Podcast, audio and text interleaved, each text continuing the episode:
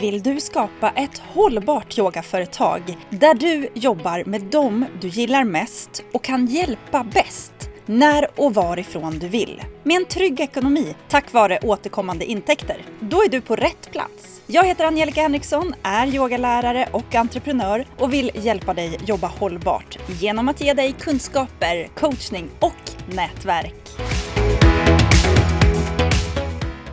Det är redan maj. Ja, vad fort det går. Och det blev ett otroligt slut på april. Ja, för förra veckan då pushade jag verkligen mina gränser genom att lägga in en otrolig mängd av olika insatser. Dels för att öka synligheten av mina företag, men också för att få till ett riktigt bra sälj. Bland annat så körde jag en utmaning i dagarna tre i Facebookgruppen Nordens yogalärare. Tack till alla er som var med, det var jätteroligt. Jag gjorde också ett webbinar för barnyoga.coms räkning med nästan 400 anmälningar. Och så blev det också en tävling på barnyogasidan. Och det gav mig förvånansvärt många sålda utbildningar. Men det blev också väldigt många nya följare både på mejllistan och på Instagramkontona. Ja, för det är verkligen spännande att hålla på med livesändningar. Och även om jag har såklart gjort mitt yttersta för att allt ska gå så bra som möjligt, så råkade jag ut för i alla fall en tråkighet när Tele2 helt plötsligt fick driftstopp i hela Norrtälje och allt internet bara slocknade. Tur som det var så var det absolut i den absolut sista minuten av en av de här livesändningarna. Så att eh, egentligen så blev det bara ett väldigt abrupt slut på det hela. Allt annat gick bra. Men nu får man alltid lite puls när tekniken inte riktigt går som man har tänkt sig. Men ja, jag avslutade i alla fall april med att klappa mig själv på axeln och göra lite ful dans för att påminna mig om att jag verkligen har använt mig av mantrat action before perfection den här månaden också. Det är omöjligt att få allting att bli perfekt. Det är bara att göra ändå och det har jag verkligen fått träna på under en sån här intensiv vecka. Jag är så otroligt glad över att kunna jobba på det här sättet. I april har jag kunnat vara ledig en vecka för att få känna på solen i Barcelona. Men jag har också vabbat i nästan en hel vecka. Och så har det varit påsk och så avslutar jag det hela med att vara brutalt förkyld i en vecka. Ja, ni vet sådär förkyld så att man börjar undra om det är lunginflammation och man kan på riktigt inte jobba, alltså inte ens från sängen. Där var jag under en vecka. Så fastän jag bara har jobbat aktivt ungefär en vecka med mina företag under hela april månad, det är helt galet, ja, så har jag haft system som har kunnat jobba för mig under tiden. System både i form av ren teknik men också att jag har hjälp runt mig med assistenter, med redovisningskonsult och andra inhyrda riktigt fantastiska människor. Så allt det jag har satt igång, ja det har ju drivit deltagare till alla mina de här livesessionerna så att jag har kunnat stänga april med 150 nya följare på mina Instagramkonton, 220 nya följare på mina mejllistor och lyssna nu, nästan 1500 lyssningar fler på mina poddar. Och inte minst, en försäljning på nästan 200 000. Så jag är inte bara glad, jag är också otroligt tacksam. Jag är så nöjd med att jag har bestämt mig för att driva ett yogaföretag som jag kan leva av. Vilket har hjälpt mig att prioritera. Jag kan inte göra allt utan jag måste rikta in mig på några saker som jag ska göra och sen göra dem så bra jag bara kan. Jag har förstått att jag måste bygga upp en struktur runt mig som tillåter både en vecka i solen, vab och gräsliga förkylningar. Just med hjälp av att ha online-verksamhet hjälper mig att lyckas med det här. Det går att göra bättre. Jag har massor kvar att lära, men april har verkligen bevisat för mig att jag är på god väg. Jag skulle därför vilja checka in med dig och bara lyssna. Har du bestämt dig för att du också ska kunna leva av ditt yogaföretag? Vill du också hitta en struktur som tillåter dig att både vara ledig och kunna vara sjuk eller ta hand om andra som behöver dig utan att det på något sätt stoppar upp ditt företagande? Om det är det du vill så är ju det precis vad jag lär ut i medlemskapet i Yogaprenör. Och nu tar jag in medlemmar för absolut sista gången på det här sättet, för hela 2023. Och du är välkommen att vara med. Sista anmälningsdag är torsdag 25 maj och du som snabbare, roligare, lättare och troligen billigare, billigare vill hitta ett sätt som gör att just du kan på ett hållbart sätt leva av ditt yogaföretag bör hänga på. Du hittar all information och anmälan på yogaprenor.se redo. Missa nu inte det här tillfället, för under sommaren har de allra flesta yogaprenörer liksom lite mer tid, för man inte är mitt i verksamheten. Man vill absolut vara ledig, men istället för att gå och grubbla i ditt eget huvud så kan du låta mig hjälpa dig att räta ut alla frågetecken kring ditt företagande. Jag kan hjälpa dig att svara på alla de där hur-frågorna som du går med. Jag vet att du har dem. Du kommer inte behöva passa en enda tid under hela sommaren. Du kan vara med live på gruppcoachningar men det går också alldeles utmärkt att ta del av all information i efterhand. Och hela utbildningen som ligger bakom de här gruppcoachningarna, alltså utbildningen som heter Hållbar yogaprenör, där du får mina strategier som du kan använda för att hitta den här hållbarheten, ja, den sker ju i form av ljudfiler. Så du kan ta in all den här kunskapen medan du är i solstolen, hängmattan, medan du tar en solig promenad eller kanske sitter i bilen på väg till semestermålet. Sommaren är en underbar tid för att få hjälp med att klura ut vad man vill göra i sitt företagande, hur man vill att det ska fungera. Så häng på vet jag! Anmäl dig redan idag på yogaprenor.se redo. För en stor, stor faktor till att hitta den här hållbarheten, det är ju att använda sig av teknik. Teknik som liksom jobbar som en hjälpande hand i ditt företag, just för att du ska kunna vara ledig eller göra annat. Det finns jättemånga yogaprenörer som har förstått det här, hur yoga online kan vara det som behövs för att få till hållbarheten. Och även om man inte vill ha yoga online som huvudsyssla på något sätt alls, så förstår man det här att det är ett bra komplement just för hållbarheten. Kanske vill du helt gå online så att du kan bli platsoberoende med det du gör, att det är det som får dig att känna frihet i ditt företagande. Eller så ser du bara online-yogan som ett komplement om du vill. Just när om du skulle bli sjuk, när om du är ledig eller vill vidareutbilda dig eller vad det nu kan vara. Jo, då kan ju du jobba utifrån att du har en verksamhet som fortsätter snurra fast du gör annat att dina kunder får yogan de vill ha, plus att intäkterna fortsätter att komma in fastän du gör annat. Online-yoga kan också vara ett sätt att öka kundens värde av det du redan erbjuder. Kanske vill de ha mer än bara den där äh, veckoliga klassen i din studio. Kanske vill de kunna ta del av den även om de fysiskt inte kan ta sig till din klass. Ett ökat värde för kunden gör ju att de blir beredda att betala mer. Och det är här du kan liksom skruva lite för att just öka den ekonomiska hållbarheten i ditt företagande. Men många yogaprenörer upplever yoga online som någonting väldigt utmanande. Börjar du läsa in dig på ämnet, lyssna på poddar, kolla hur andra gör, kommer du höra begrepp som till exempel webbkurser, onlinekurser, medlemstjänster, medlemskap. Och det är inte alltid helt tydligt vad som är vad. Och ännu viktigare, vad är bäst för dig? Ja, där ska vi reda lite grann i här idag. För jag har nämligen bjudit in Jill Nyqvist från Soloprenörpodden att reda ut just hur webbkurser och medlemstjänster kan hjälpa dig som hållbar yogaprenör.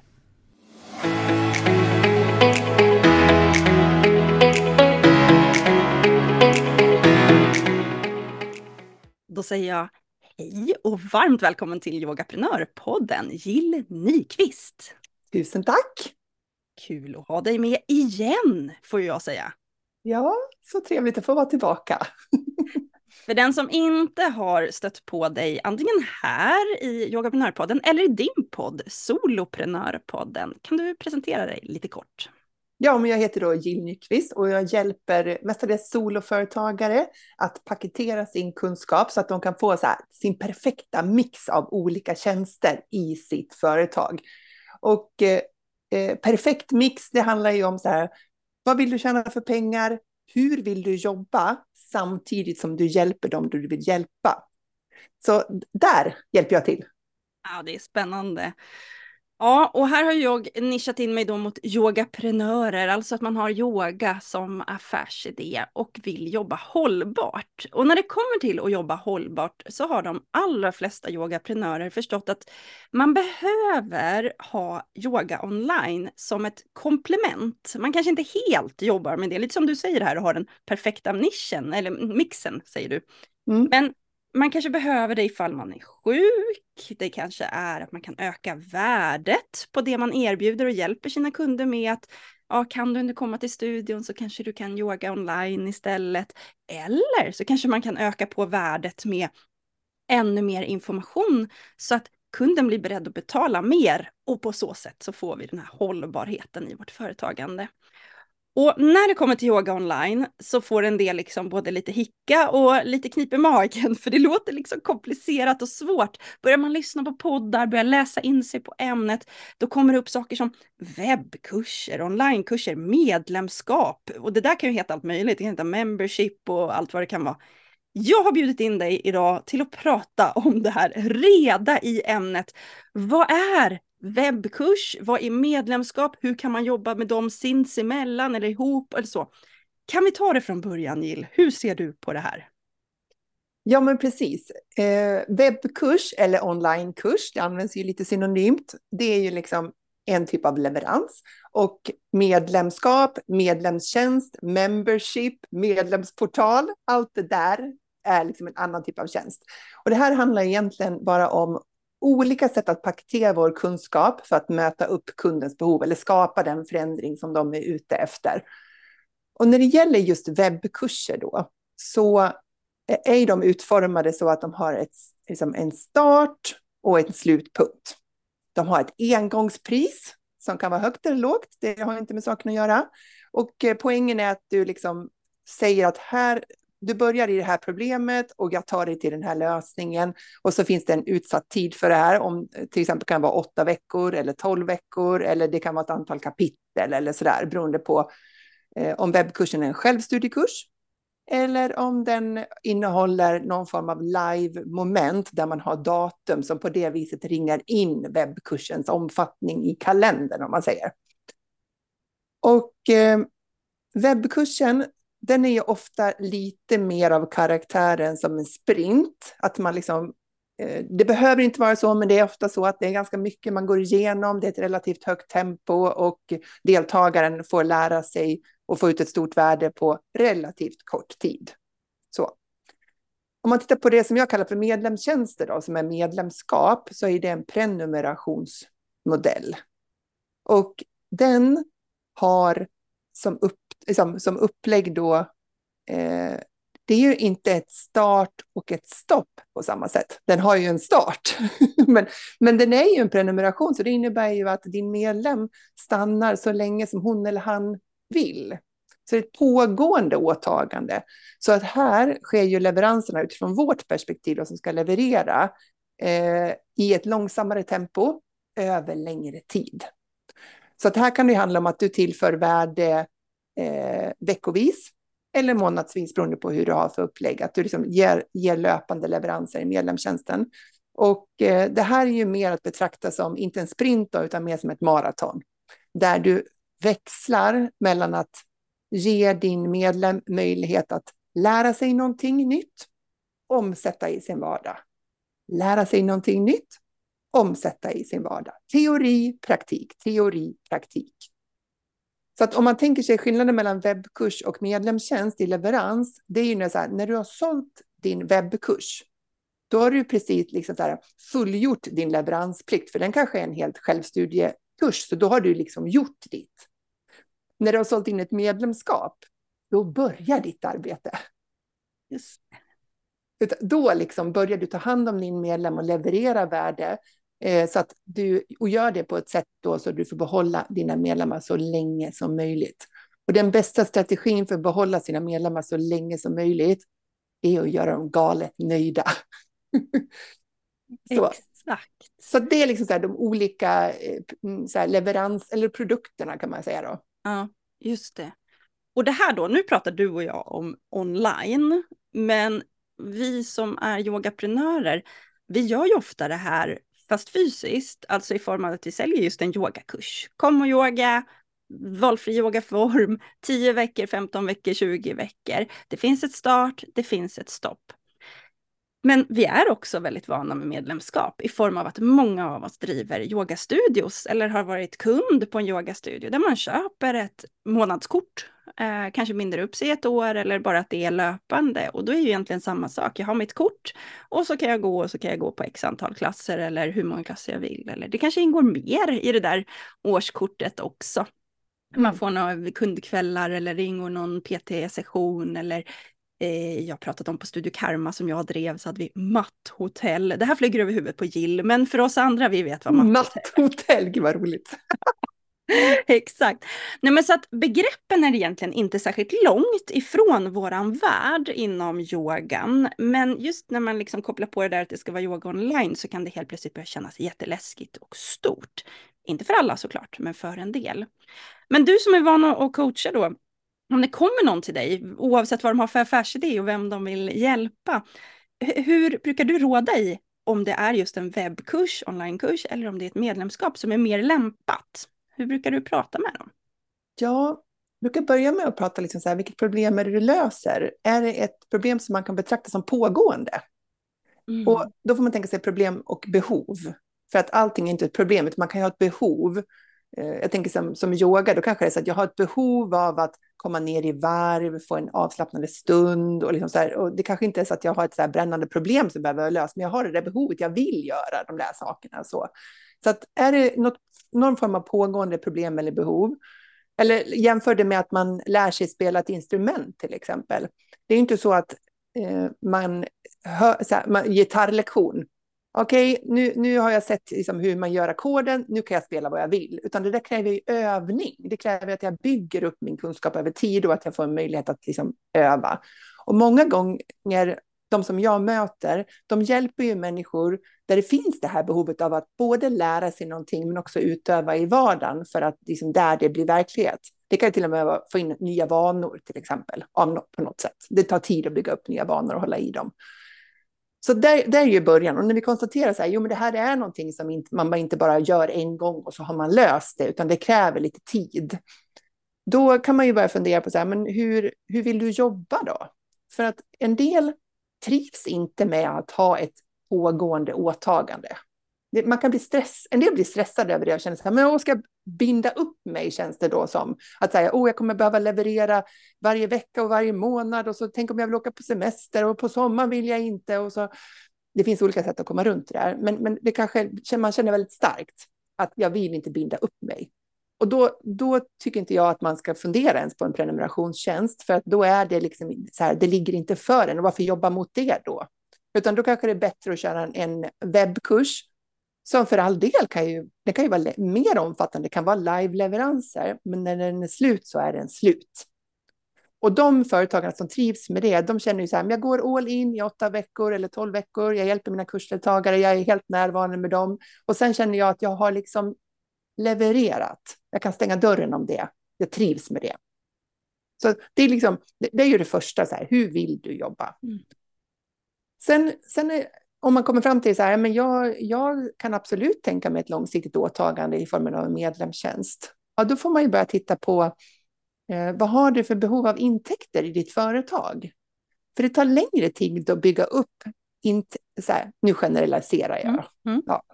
Oftast tar det längre tid att bygga upp lönsamheten i en medlemstjänst eftersom varje medlemskap oftast generellt sett är lägre i avgift.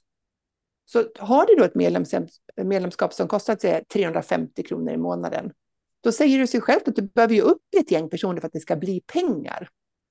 Och, då, och det kan man absolut göra och jag tror att man kan göra det i princip vilken nisch som helst. Men Eh, om, du, om du börjar från noll och du har liksom typ 150-200 följare på Instagram och 50 stycken på en e-postlista, då säger det sig själv att du kommer inte få in 100 stycken på din första lansering. Och om din då, verksamhet då medger att du startar din medlemstjänst, men är okej okay att den är olönsam i början, för du ser det här på sikt. Jag kommer lägga in den här kraften för att jag vill bygga åt det här hållet. Och jag, jag struntar i att det blir lite pengar nu det första kvartalet, för jag har en längre plan med det här. Då är det en väg att gå. Men om man sitter där så här, jag har inga intäkter i mitt, eller jag har väldigt lite intäkter i mitt företag nu, för jag är precis nystartad. Då kanske man behöver satsa på någonting som ger lite mer pengar snabbare. Och då kan ju en webbkurs vara en, en anledning av det, eller en webbkurs i kombination med ett coachingprogram, eller att man lägger ihop ett paket som gör att man kan sälja någonting som har lite högre kostnad, som gör att man får in pengar i bolaget snabbare. Just det.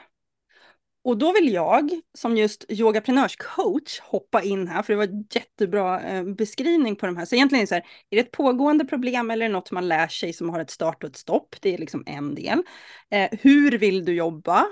Känns det alldeles övermäktigt att jobba över tid och inte ha ett slutdatum? Eller ja, det kan ju kännas läskigt att ha ett start och ett stopp. Ja, vilket passar ja. dig bäst helt enkelt. Och sen har vi intäkterna, där har man liksom tre steg att gå utifrån. Eh, men det jag vill lägga in det är ju att många yogaprenörer är ju vana att ha det här kurstänket. Alltså man har ett start och man har ett stopp.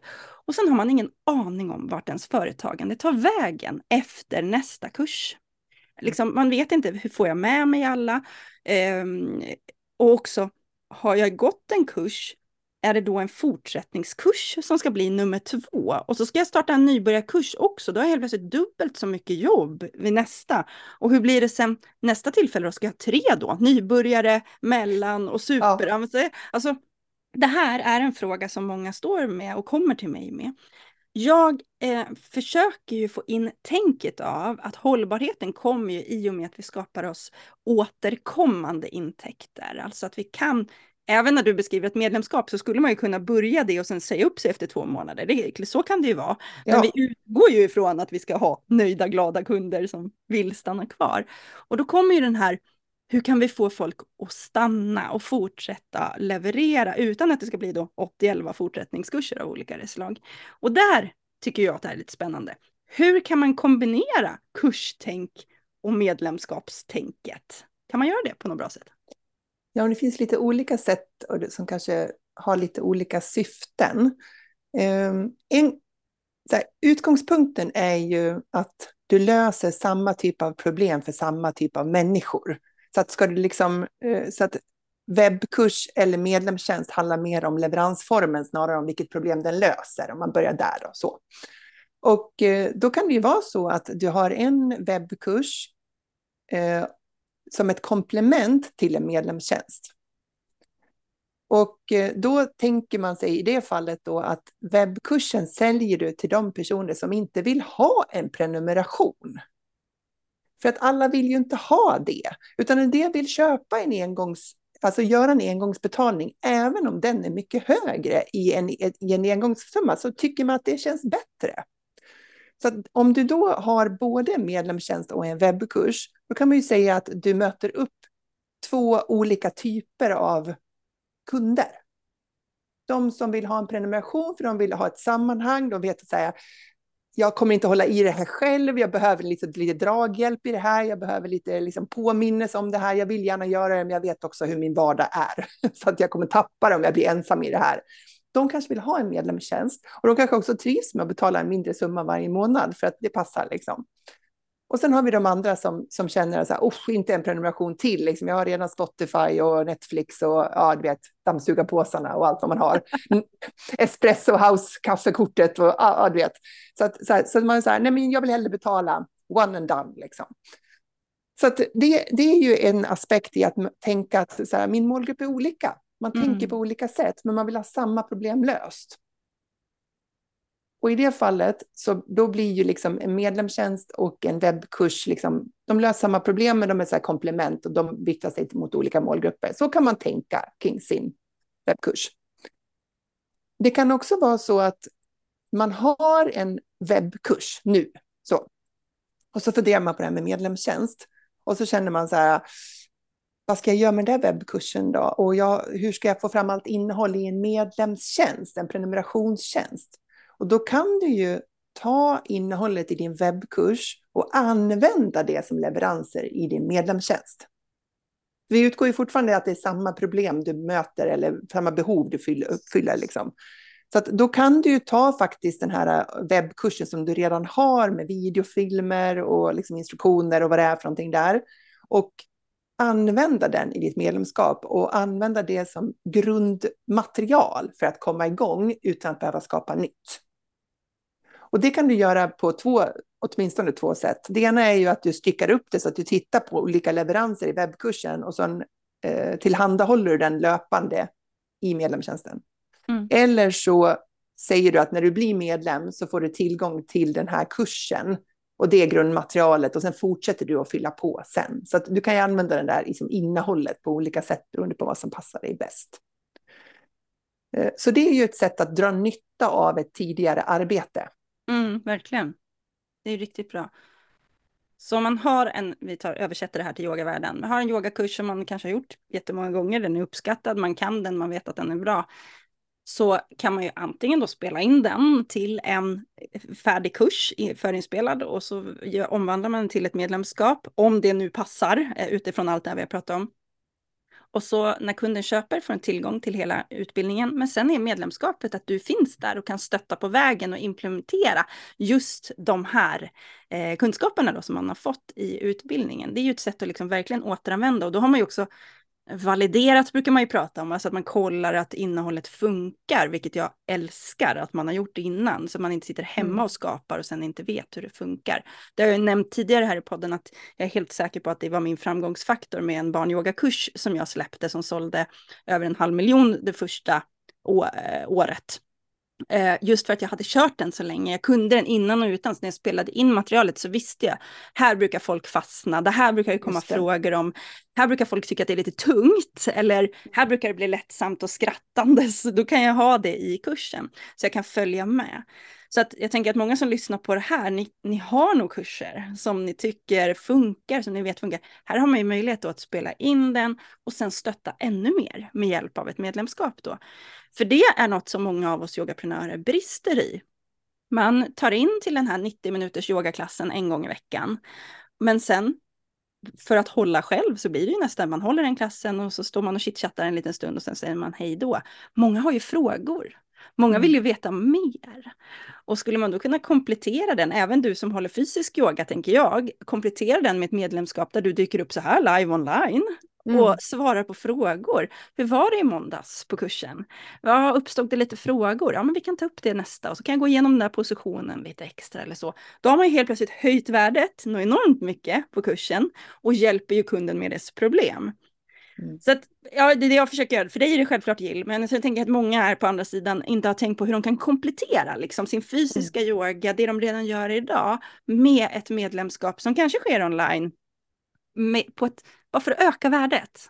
Öka ja, Nej, men jag, jag älskar det och jag tänker att det där som du beskrev nu, jag föreställer mig att det har ett högt värde för kunden, men det är ganska enkelt för en yogalärare att göra det där. Att sitta där och svara på de där frågorna, visa den positionen lite extra och så där, det är ingenting som kräver jättestora förberedelser, utan att det i princip innebär att du dyker upp där live de där 45 minuterna eller vad det är för någonting som du har bjudit in till. Och så skapar du det här enorma värdet för, för de här personerna utan att det egentligen är särskilt jobbigt för dig. Och och om det då sitter tio personer där som är med på den där frågestunden, eller om det sitter 50 eller 100, det spelar ingen roll, för det blir samma jobb för dig i alla fall. Och det är ju det här jag älskar med medlemstjänster. Att, att jag vet liksom att när jag gör en lansering och så får jag in nya medlemmar, de nya medlemmarna kommer inte göra att min arbetsbelastning ökar, men de kommer göra att min lönsamhet ökar. Älskar man inte den kombon, Ja, det är verkligen hållbarhet så det bara man flyger runt. Och jag måste säga att alltså, det är ett tufft yrke att vara yogalärare av många anledningar. Men en sak är ju att när man står och undervisar så uppmuntrar vi ju eleverna att gå in i sig själva. Jag vet ju Jill att du yogar lite grann i alla fall. Ja, lite. Lite, lite. Ja, men man uppmuntrar att gå in i sig själv och känna in och ibland möter man på, stöter man på motstånd och så. Det gör ju att jag kan ju stå framför 30-35 yogis, undervisa från mitt hjärta i 90 minuter och folk ser så förbannade ut. De är så avklippta, jag får inte ett leende, det är liksom, de har verkligen så gått in i sig själva. När jag säger tack för idag eh, och liksom tänder upp salen så tar folk sitt pick och pack och går därifrån. Och så sitter jag kvar där på mattan och är så här, Nej men alltså nu är det bara att säga upp sig. Alltså gud! Vad hände? Ja. ja, vad hände? Det här har hänt så många gånger under min karriär. Man bara, alltså det här var uppenbarligen det värsta de har varit med om. Sen gången efter, eller när man möter folk på stan, så är det någon som slänger sig runt halsen och är så här, alltså klassen i tisdags Angelica, ja. den var så fantastisk. Alltså jag fick sådana, jag fick ta itu med det här och det här hände och jag sov så gott eller vad det nu kan vara för något. Vi har på så sätt ett ett utmanande yrke i att det är så mycket känslor och så mycket, att då få knyta an till folk när de inte är så inne i sig själv, utan man faktiskt får träffa dem då ett par dagar senare och fråga hur var klassen? Ja, och så få den här feedbacken. Och nu i det här exemplet var det ju bra grejer då, men det kan ju också vara åt andra hållet. Att så här, jag vet jag fattar ingenting av den där övningen, eller det där gjorde bara att det gjorde ont, eller någonting så här. Då har man ju chans att liksom utvecklas som yogalärare också. För att vi är generellt sett inte så vana att ta in den här feedbacken och liksom, eller ska vi säga, öppna det här spacet för precis. att ta in feedback direkt. Och där ska jag säga, det här är ju utvecklande. Lite läskigt är det, mm. men det är också så fruktansvärt utvecklande i yogalärarrollen. Snacka om vidareutbildning varje vecka. Ja, men verkligen. Och jag tänker att många som, håller, som driver eget företag gör ju det utifrån sin passion. Liksom. Det är någonting man tycker är väldigt, väldigt roligt. Och då få möta människor och, och höra deras kontakt med vår passion. Liksom så här, vad hände hos dig när du kom i kontakt med det här? Och så får man insikter som ibland är så här fantastiska i form av att det känns väldigt upplyftande och ibland är så här, okej, okay, det där landar inte riktigt. Kan man se det så där också? Det, det här händer ju mig i, de, i mitt medlemskap som jag har också. Och, och det är så intressant när någon säger så här, ja, fast jag fattar inte den där så här, hur ska man se på det här? Och då, så här, då ger ju det mig en insikt i att just det, man kan komma från det där hållet och tänka på det från det där perspektivet. Och då framstår ju det här som väldigt märkligt, den här övningen vi gjorde. Eller liksom så där.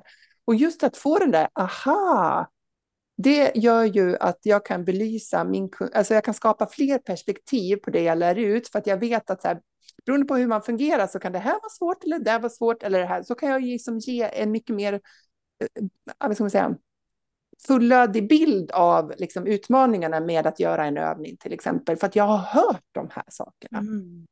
Och där snackar vi väl om att göra nöjda kunder, alltså det här att det är nöjda kunder som stannar. Det är ju när man gång på gång får känna igen sig. Det är också väldigt utvecklande att höra vart andra står.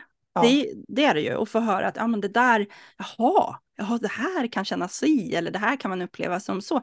Ja, det har ju inte jag något problem med. Det, det är ju det här att få ja, känna igen sig, att få vara en del av ett sammanhang. Och det ligger ju verkligen i det yogiska, där vi pratar om community och gemenskap och liksom att det inte finns något rätt eller fel. Det är klart att vi alla har stått på yogamattan och tänkt, jag gör bara fel, eller det här känns fel, eller vad, vad är det för något jag gör? Att då få höra hur andra funkar. Så jag tänker att här har vi, vi har mycket att ge här. Väldigt, mm. väldigt mycket att, att göra. Ja, så om man sitter nu i tankarna så här, ja, jag har en kurs, eh, webb eller eh, fysiskt. Jag tycker att det låter spännande med medlemskap. Det här det passar mig att det är ett pågående problem och det ska jag ju säga att det är ju för många oss yogalärare. Alltså problemet vi tar i det är ju stresshantering. Det kan ju vara mer eller mindre akut, men eh, det är fortfarande någonting man liksom behöver lära sig över tid. Det är sällan man går en två veckors intensivkurs och så är man liksom stresshanterad. ja, vad skönt det hade varit. Ja, det hade varit bra, men ja. det är sällan det funkar så. Um, vi hjälper också mycket till med till exempel sömnsvårigheter eller fysiska problem. Väldigt sällan det också löses bara sådär i det hela. Uh, bara för att ge ett, ett komplement, det skulle ju kunna vara en minikurs i så här lär du dig att stå på händer. Så det är klart att det finns moment av yogan som skulle kunna vara liksom korta med tydligt start och ett mm. slut. Ja, precis. Ja. ja. men väldigt mycket är pågående. Om man vill ta tag i det här då, ja det var det jag skulle säga, alltså det är ett pågående problem. Eh, många yogaprenörer jobbar ju redan idag kontinuerligt över tid. Även om man har ett start och stopp på sin kurs så har man ju ändå planerat att nästa kurs ska börja igen och nästa och nästa. Och eftersom man redan har en business så kanske man inte har behovet av intäkter direkt precis just här nu, utan man vill jobba på det här långsiktiga mm. som du nämnde. Då har man ju tickat dina boxar här för medlemskap. Ja. Ja. Hur kommer man igång med ett medlemskap då? Kan man ge det? Du var lite inne på det med att hugga ner kursen man har, men kan du ge någonting mer? Ja, men jag tänker att man måste ju definiera då sitt erbjudande, tänker jag. Som att, jag börjar ju alltid där. Liksom. Om vi har definierat så här, så som du beskrev det nu, så här, det är det här problemet jag löser. Men sen behöver man liksom så här, ta det en nivå till då. Vad är det för problem jag löser just i form av en medlemstjänst då? Och då kanske det handlar om att trycka på att eh, att man får den här möjligheten till uppföljning och diskussion, eller det kanske är att du får en möjlighet att göra det här som en del av din vardag, så att du verkligen håller i den här goda vanan. Jag hjälper dig till det, du får en community, du får ett sammanhang att göra det här i. Så, här, så att man, man ska, så här, utifrån det yogaerbjudande man brukar ha, så översätter man det till vad är det som det faktum är att du är medlem över längre tid, vad är det det gör för problemlösningar? Alltså, på vilket sätt har kunden nytta av det? Så att du översätter det, så att man förstår varför ska jag, varför ska jag bli medlem? Just medlemskap. Sen behöver du ju sätta eh, ett namn på din medlemstjänst. Det kan låta som självklart då lite trivialt, fast oftast är det ju lite svårt. Om inte ett namn kommer till en på en gång så, så kan det där krävas lite eh, lite funderingar. Nu kanske man kan använda AI-bot och få så 20 nya förslag kanske. eh, och så behöver man sätta prisnivån. Och eh, ja, vi tar det, pris. Och det, det, är många som kommer till mig så här, hur ska jag sätta pris för det här? Vad ska jag tänka på när jag sätter pris?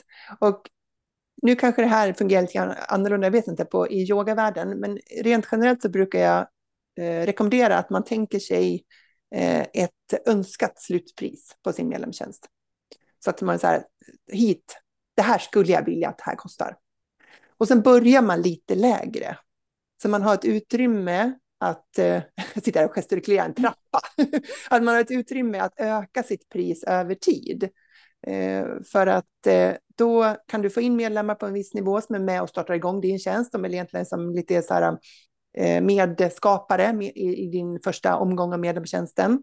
Och då för det jobbet, eller för det att de kommer in på första eh, raden där, så får de ett väldigt bra pris som de får behålla så länge de väljer att vara medlemmar. Och sen höjer du priset kanske till nästa lansering eller till nästa försäljningsinsats eller till hösten eller ja, hur du vill göra. Och eh, då blir ju den här med att det finns ett helt gäng medlemmar där som har det där braiga priset. Det i sig blir ju en strategi för att behålla medlemmar. För att om de kliver ur medlemstjänsten och kommer tillbaka, gäller ju det högre priset. Och de, de som är kvar då, de kommer känna att de har gjort en väldigt bra deal som får allt det här innehållet från dig, fast de betalar typ lägst av det här. Så det i sig blir en strategi för att behålla medlemmar, att man har olika pri en pristrappa över tid. Och sen handlar det ju om att sätta leveranserna. Och jag tänker att det viktigaste man behöver fundera på när det gäller leveranserna, som två aspekter. Det ena är att du måste ha definierat vilket problem du löser i din medlemstjänst och se till att det du levererar hjälper dem mot det problemet. Så det blir en väldigt tydlig koppling. Och det hänger ihop med nummer två man behöver fundera på. Och det är eh, att inte ge för mycket innehåll. Och det är lätt att ge för mycket innehåll när man är osäker på värdet och man är osäker på vart man är på väg med sin tjänst. Så ju tydligare slutmål du har, att säga, jag vill ta dem på den här resan, och med din kunskap då, med din expertis, så är det din uppgift att organisera leveransen så att den möter upp det behovet de har och att du pytsar, pytsar ut det här och jag vet inte exakt hur det översätts i yogavärlden, mm. men alltså att, liksom, att man inte tänker att värdet ligger i mängden. För människor betalar inte för att få fler uppgifter att göra. Alla har tillräckligt många saker att göra i sina liv. Det vi betalar för, det är att någon guidar oss och ger oss rätt saker. För mm. jag antar att precis som alla andra ämnen så finns det massor av gratis material på YouTube. Så det är inte så att man liksom behöver egentligen betala för något i princip nu. Utan, så det är inte det som tjänsten löser, utan det är ju den här att du organiserar, paketerar och stöttar och guidar mig på den här resan. Det är det jag betalar för, att det är just du, dig som jag har förtroende för. Så, att, så att det är din uppgift då som, som eh, grundare av en medlemstjänst, att göra den här paketeringen åt din medlem så att de får den bästa guidningen och behöver lägga ner minsta möjliga tid på det här. Exakt. Så, så att det blir liksom rätt leveranser. Så värdet ligger i rätt, inte i många. Och nu vet jag här, nu hoppar jag in lite grann som yogatolk i det här resonemanget, för det är suveränt det som du delar här. Och det är ju att ett grundproblem hos många yogaprenörer är att man inte har identifierat det där problemet som man löser. Och nu säger yogaprenörer, men du som hjälper många andra soloföretagare vet ju att det är ganska vanligt att man inte har rätt ut liksom vad det Absolut. är. Så det kan vi bara känna oss vi, vi är bland goda vänner här. Men det fyller en poäng att göra jobbet med att ta reda på det där problemet. För många kliver ur sin yogalärarutbildning, man har lärt sig en yogaform och så sätter man upp en yogakurs och så blir det liksom man kanske sätter upp en kurs på tio veckor, men egentligen är det bara tio drop-in-klasser. Liksom. Det, är bara hand, det är bara en yogastund. Liksom. Det, det leder, inte, reder inte ut ett problem, det hjälper inte till med något specifikt, men de allra flesta som är med är nöjda och glada för att det ger det här välbefinnandet och um, en bra ledd klass och så. Men här börjar man ju se verkliga problematiken när du lyfter upp det på det här sättet. Många kanske blir eh, begeistrade i det här medlemskapstänket. Jag blir ju det, jag tycker det här är fantastiskt. Men då går det inte bara att säga, ja men jag ska spela in alla mina klasser och så ska jag ta det här priset och så ska jag lägga ut det någonstans. För det hjälper inte någon. Det blir ingen försäljning, det går inte att paketera, det går inte att berätta vad är det för något, vem är det som ska köpa det? Och precis det här du säger Jill, folk har fullt upp. De har varken, eller oftast i alla fall, tid, pengar, och energi till att bara fylla på med en massa mer i sina liv, utan det är just det här du säger. Man vill ha hjälp med någonting. Och yogan är ju så här, många tänker att så 60 minuter eller 90 minuter måste en klass vara för att den ska ge det här den ska ge.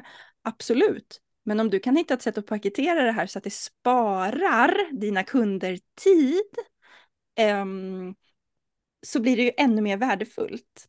Och i yogan sitter det mycket fast i det här timpris. Vad ska det kosta per timme? Medlemskap, då måste man ju verkligen göra ett mindshift och börja tänka på det du har varit inne på Jill med skalbarheten istället. Att eh, ta ett pris för värdet, hur jag hjälper till. Och sen om det är tio personer som är där på andra sidan eller om det är hundra personer, ja, det ökar inte vår arbetsmängd, utan det är just lönsamheten som ökar. Mm. Det här mindshiftet, det här att börja tänka åt det här hållet, upplever du det som svårt hos dina klienter eller hänger de med på? Ja, men jag tror att alla hänger med på teorin. Mm. Eh, men vi är ofta ganska fast i det här med att, eh, att kvantitet räknas. En viss mängd Zoom-samtal eller Zoom-möten, en viss mängd videosar, en viss mängd arbetsböcker. Att liksom, ju fler det blir på listan där, desto mer värde upplever man det. Och blir det för få, då får man en liten så inre stress av att så här, det här är inte värt. Exakt. Och, och det utgår ju från att man inte riktigt ändå har frigjort sig från, från tanken om att värdet ligger i antalet, utan värdet ligger i innehållet och transformationen. Och man får väl helt enkelt påminna sig om det, tänker jag. För att eh, det är inte så att jag går inte fri från sådana här liksom, eh, vad ska man säga, tankefällor heller. Eh, så heller. Det, Nej, så, så lite grann känns det som att allting som jag lär ut någon gång, någon gång regelbundet hamnar jag i alla de fällorna själv och gör den där resan igen och känner så här, det här känns bekant. Den här tankefällan har jag varit i några gånger förut. Liksom. Så det här är ett pågående arbete som, liksom, eh, som är mänskligt. Det, det, det är så där vi fungerar. Så att jag tänker att det är väl det där skiftet som man behöver hålla lite koll på. Att, att här, när jag känner ett behov av att lägga till saker, när, när jag tänker så här, jag kanske ska göra det här också, jag kanske ska göra det här också. Så backa tillbaka till så här, ja, fast av vilken anledning vill jag lägga till de här grejerna? Och känna in med sig själv lite grann. Det är anledningen till att jag är orolig för att de inte kommer tycka att det här är värt medlemspriset. Eller anledningen att det här, liksom, om jag tillför det här, så vet jag att jag kommer hjälpa dem på väg.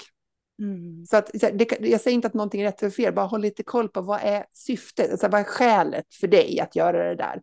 För att om skälet är den här känslan av att det inte är värt, då behöver vi jobba med det. Och, och så här, fördjupa oss lite grann kring så här, men vad är det idag i det du har i din medlemstjänst i så fall som, som du inte tycker är tillräckligt bra? Och har du några belägg för det? Det vill säga, mm. har medlemmarna sagt att de är, eh, att de är missnöjda? Hur är det med din behållningsgrad, det som på engelska heter retention rate, alltså hur många procent som stannar kvar varje månad? Om den ligger mellan 90-95 procent, och du vet det för att du har koll på den mätningen, då ska du inte gå på din hjärna som håller på och säger så här, åh, det här är inte bra, nu, nu hoppar en av och nu, gjorde det, nu hände det här och liksom sådär. För att vi måste ibland backa tillbaka till fakta och stadga oss lite grann kring vad säger siffrorna här? För vi kan inte alltid gå på vad vår känsla säger, för vi kan stressa upp oss av att två personer avprenumererar på en e-postlista som innehåller 4 000 personer. Så vi kan liksom inte riktigt, vi kan inte lita på att vår hjärna genererar liksom rätt typ av känslor här, utan vi måste gå tillbaka till fakta. Är det någon som har klagat? Hur många är det som hoppar av? Titta på siffrorna ifall vi hamn, om vi upptäcker att vi hamnar där i den här stressen av att vi borde kanske lägga till saker. Mm. Och, då, och jag tänker, när du pratar det här, det är så himla bra allting, så tänker jag, alltså vilket, vilket värde vi har av våra egna communities. Nu sitter ju du och jag som ledare i våra communities, du för soloprenörerna och jag för medlemskapet i Yogaprenör. Men fortfarande vad mycket man har ut av att ha det här gänget runt sig. Alltså att eh, umgås med likasinnade, att liksom, ja, som du säger, man dimper ner i någon fälla där och gör någon tankevurpa och så har man någon som hämtar upp sig och du har ju också nätverk utanför det såklart och det har ju jag också. För att vi är bara människor och i dagar av liksom lägre energi, det kanske faktiskt har varit några som har avföljt, det är någon som har klagat, jag har misslyckats med något, för det händer ju. Då är man inte så stark, precis där. Nej. Och det är väl en del av att se att så kommer det vara. Det, jag ska såklart se till att så få som möjligt avföljer, att jag har rätt personer.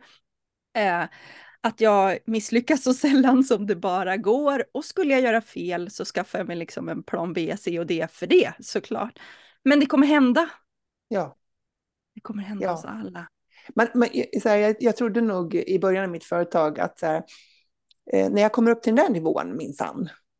Ibland kan man ha något så här, om jag tjänar 100 000 i månaden, då minsann. Då är det ett kvitto på att jag minsann är en bra företagare, jag är framgångsrik och när jag kommer upp dit, då kommer jag vara trygg, jag kommer veta hur jag ska ta mig an saker, jag kommer inte ha något problem med kunder som inte betalar fakturor eller som inte är nöjda med någonting, för då tjänar jag 100 000 kronor i månaden och då har jag nått nästa nivå. Sen kommer man till den där nivån och tjänar de där hundratusen. så inser man att precis inget har förändrats. Så här, utan man är fortfarande sig själv. Och sen kanske man har gjort liksom så många erfarenheter så att man blir inte kvar i diket så himla länge. Man är inte lika upprörd lika länge över kunden som, som gör så där eller över ett misslyckande eller ett webbinar som stängdes av mitt i eller vad det var. Liksom. Det händer ju massa saker hela tiden. Så, så man är inte liksom lika upprörd över det lika länge och det är skillnaden. Men det är inte så att man är helt frigjord från motgångar eller att man har en hjärna som alltid liksom så här, äh, plockar fram guldkornen i vardagen och aldrig liksom oroar sig över det som kan gå fel. Sin hjärna har man med sig hela tiden. Så att det, det är väl någonting, tänker jag, bara vara ödmjuk inför sin egen mänsklighet i det där. Och inget har gått fel för att vi är oroliga eller för att vi plötsligt eh, blir livrädda för att ingen ska köpa när vi lanserar eller, eller för att, för att eh, folk ska bli upprörda över någonting. Så här, det, det är så vi fungerar. Och så man får ta sin hjärna och alla tankar och känslor som kommer med det och tycka att så här, det är okej, okay. nu fortsätter vi framåt ändå. Ja, och ha stöttning runt omkring sig och veta att det är okej. Okay. Och liksom, Mm. alltså det är skönt att ha de där coacherna runt sig kanske som man kan eh, ta ett möte med. Man kanske har en god vän eller en entreprenörskollega man kan prata med. Men också att ja, men man har det runt sig. För det här kommer ju att hända. Det kommer ju alla, alla gånger att hända. Men om, man, om vi backar, för nu pratar vi om den här nivån nivån av att aldrig blir bättre. Så vill vi inte säga. Det, blir, det fortsätter vara utmanande, så kan man säga, men det blir Mm. Annorlunda. Det kan vi i alla fall göra. Ja, det är inte så att alla problem upphör. Nej. Nej, man tar sig an dem utifrån en annan nivå av erfarenhet och kunskap. Ja, det gör man verkligen. Mm. Men om vi backar tillbaka till att man står där i det där riktigt då, nya. Nu är vi Ja. där, nu är det medlemskapet som står. Vi har checkat av bo- boxarna här, det låter intressant. Om vi bara håller oss kvar i mindset-tänket en liten stund. Vad är det som gör att man vågar ta tag i det? Har du något tips där? Vågar alltså, hur, hur fel kan det bli? Liksom? Älskart. Alltså, för grejen är den så här, skulle det vara så att du sätter igång, lanserar en medlemstjänst och ingen köper, ja, det är trist. Men vad sjutton, värre saker har hänt. Alltså, Verkligen. ja, det kanske, det känns, det är inte roligt att misslyckas, man upplever det som ett misslyckande liksom, men det, det,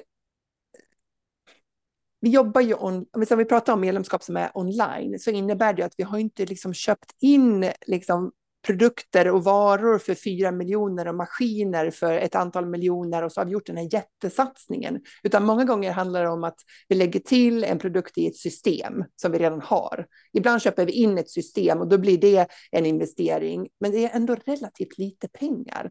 Så rent, vad ska man säga, företagsekonomiskt så är det ingen stor sak att starta en medlemstjänst för att vi har inte gjort någon stor ekonomisk satsning som gör att vi hamnar i en stort åtagande eller risk om man säger. Utan jag tror att den största risken vi tar det är ju att vi får lite så blåmärken på vårt ego om det inte går som vi har tänkt och så känns det obehagligt när det inte går som det är tänkt.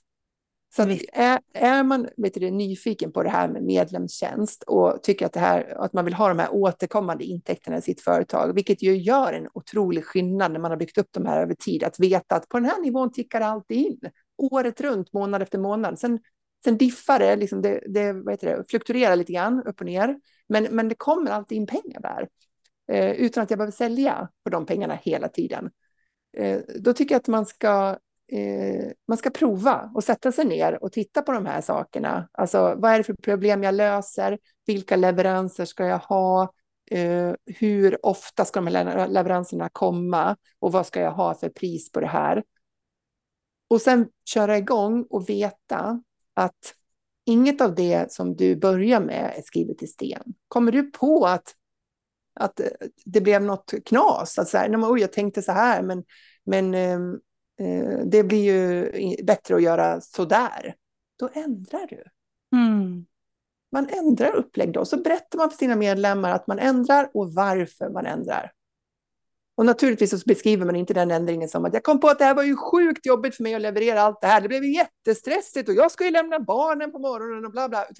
Då, då vinklar man ju den förändringen man gör för att man, utifrån syftet att göra det ännu bättre för dem. Såklart.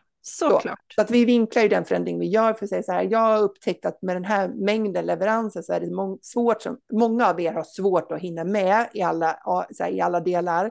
Och för att inte skapa onödig stress så vill jag nu göra så här. Mm. Ja men precis. Det är lite Så. vd-hatten på liksom. Vara så här, Ja, se vad som är bäst för företaget och sen så vända det till så att det blir liksom bäst för medlemmarna helt enkelt. Och, Ja. motivera det därefter. Jag kan få skjuta in där, jag har ganska nyligen hjälpt två stycken medlemmar som en lanserade och fick inga eh, anmälningar överhuvudtaget, vilket som du sa är blåmärken på egot är ganska så bra, det är, det är ju tufft. Ja, det är Men- tråkigt. Det som händer när man inte har fått någon anmälan, det är ju att då kan man ju gå tillbaka till ritbordet och se vad, vad kan det vara då? Hade jag mitt community runt mig? Har jag liksom beskrivit problemet? Men också, har jag paketerat det på det sättet som just de kunderna vill ha?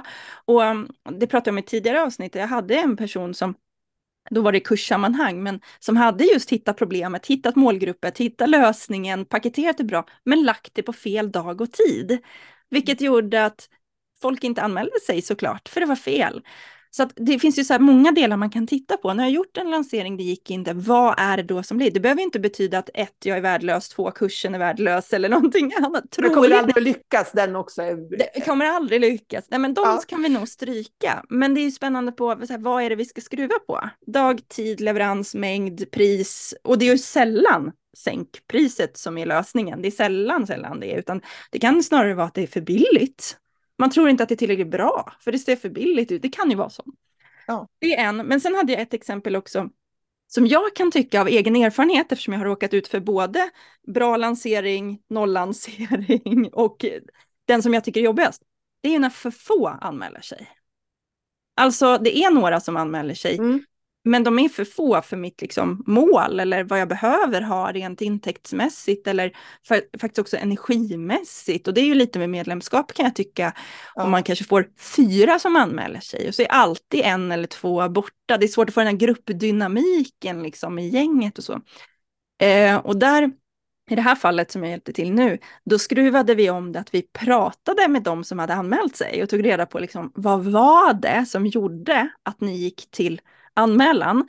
treatade dem såklart så de kände att de hade gjort en bra. Och sen sköt vi på eh, anmälan till senare, men tog hand om de här, jag kommer inte ihåg hur många de var, det var några få som hade anmält mm. sig, mm. tog hand om dem, gav dem lite extra och så var det så här, fast det riktiga medlemskapet kommer inte börja förrän där framme och så gjorde en nylansering nu med kunskapen av de här personerna som faktiskt hade anmält sig, som mm. faktiskt hade sagt vad var det som var avgörande, lyfta det i sin marknadsföring då. Och det gjorde ju att det ramlade på de där sista. Så att det blev liksom att när den gick igång då, lite senare, så vart det rätt antal som drog igång. Mm, så och, bra exempel. Och det kräver ju sitt mindset att våga göra det där. Ja, för att exakt vad jag tänkte säga, för det, är väl, det var väl jättebra hanterat. För att om det är så att man lanserar, man får fyra medlemmar, man får panik, man skäms, Eh, man liksom bara vill så här, dra kudden över huvudet och liksom, jag kommer aldrig mer sälja någonting online överhuvudtaget någonsin igen. Jag kommer aldrig lyckas. Alltså alla de där sakerna som kan komma över en som tankar, ingen av dem kommer leda till den där strategin. Nej, det kan vi säga med säkerhet. Ja, men var är vi hamnar? Vi hamnar ju ofta i det här, så här, det här var så sjukt pinsamt. Vad ska jag göra med de här? Istället för att tänka att ja, det där kan ju också hända. Eh, och som du sa, så här, hur kom det sig ändå att de där, alltså då har vi kopplat på nyfikenheten. Och så länge vi är i ett nyfiket utforskande mindset, då har vi alla möjligheter till i princip vad som helst. Mm, För där, där skäms man inte. Där blir man nyfiken och vill ta reda på och titta på liksom läget med ödmjukhet och, och öppenhet. Ta kontakt med dem där och säga, att det blev bara så här många den här gången. Och nyfiken, liksom, hur kom det sig att du nappade på det här? Mm.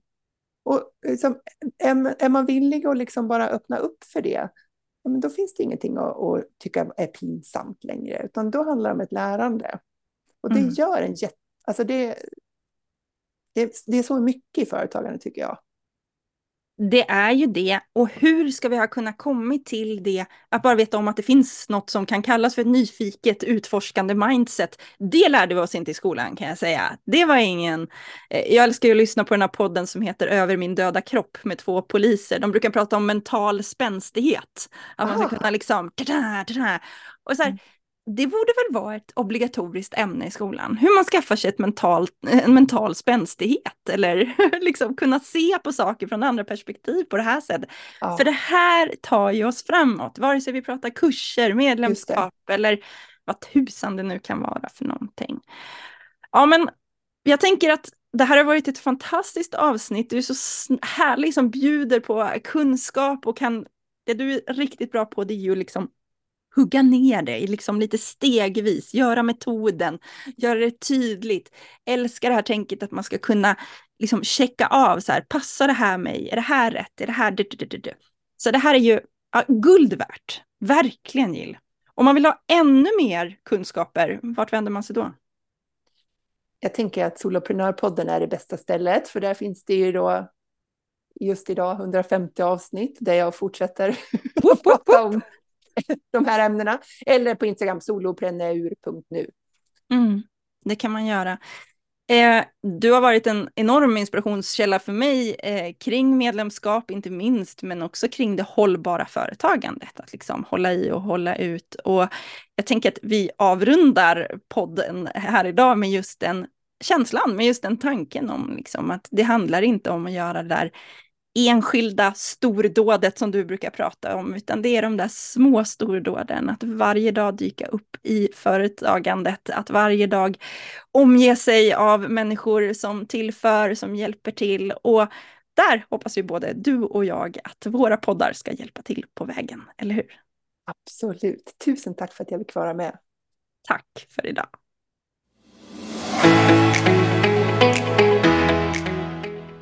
Det är verkligen få personer som är så duktiga på att pedagogiskt förklara hur man kan jobba på olika sätt online.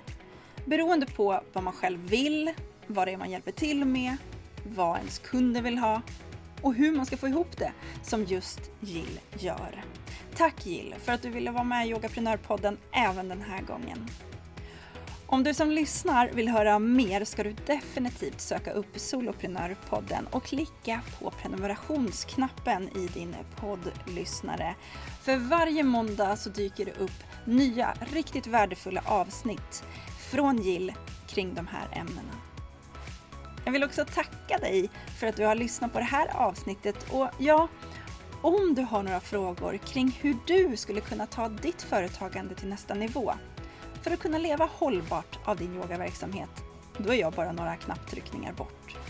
Du når mig alltid på info.yogaprenor.se och jag tycker att du ska ta dig ett kik in på yogaprenor.se redo.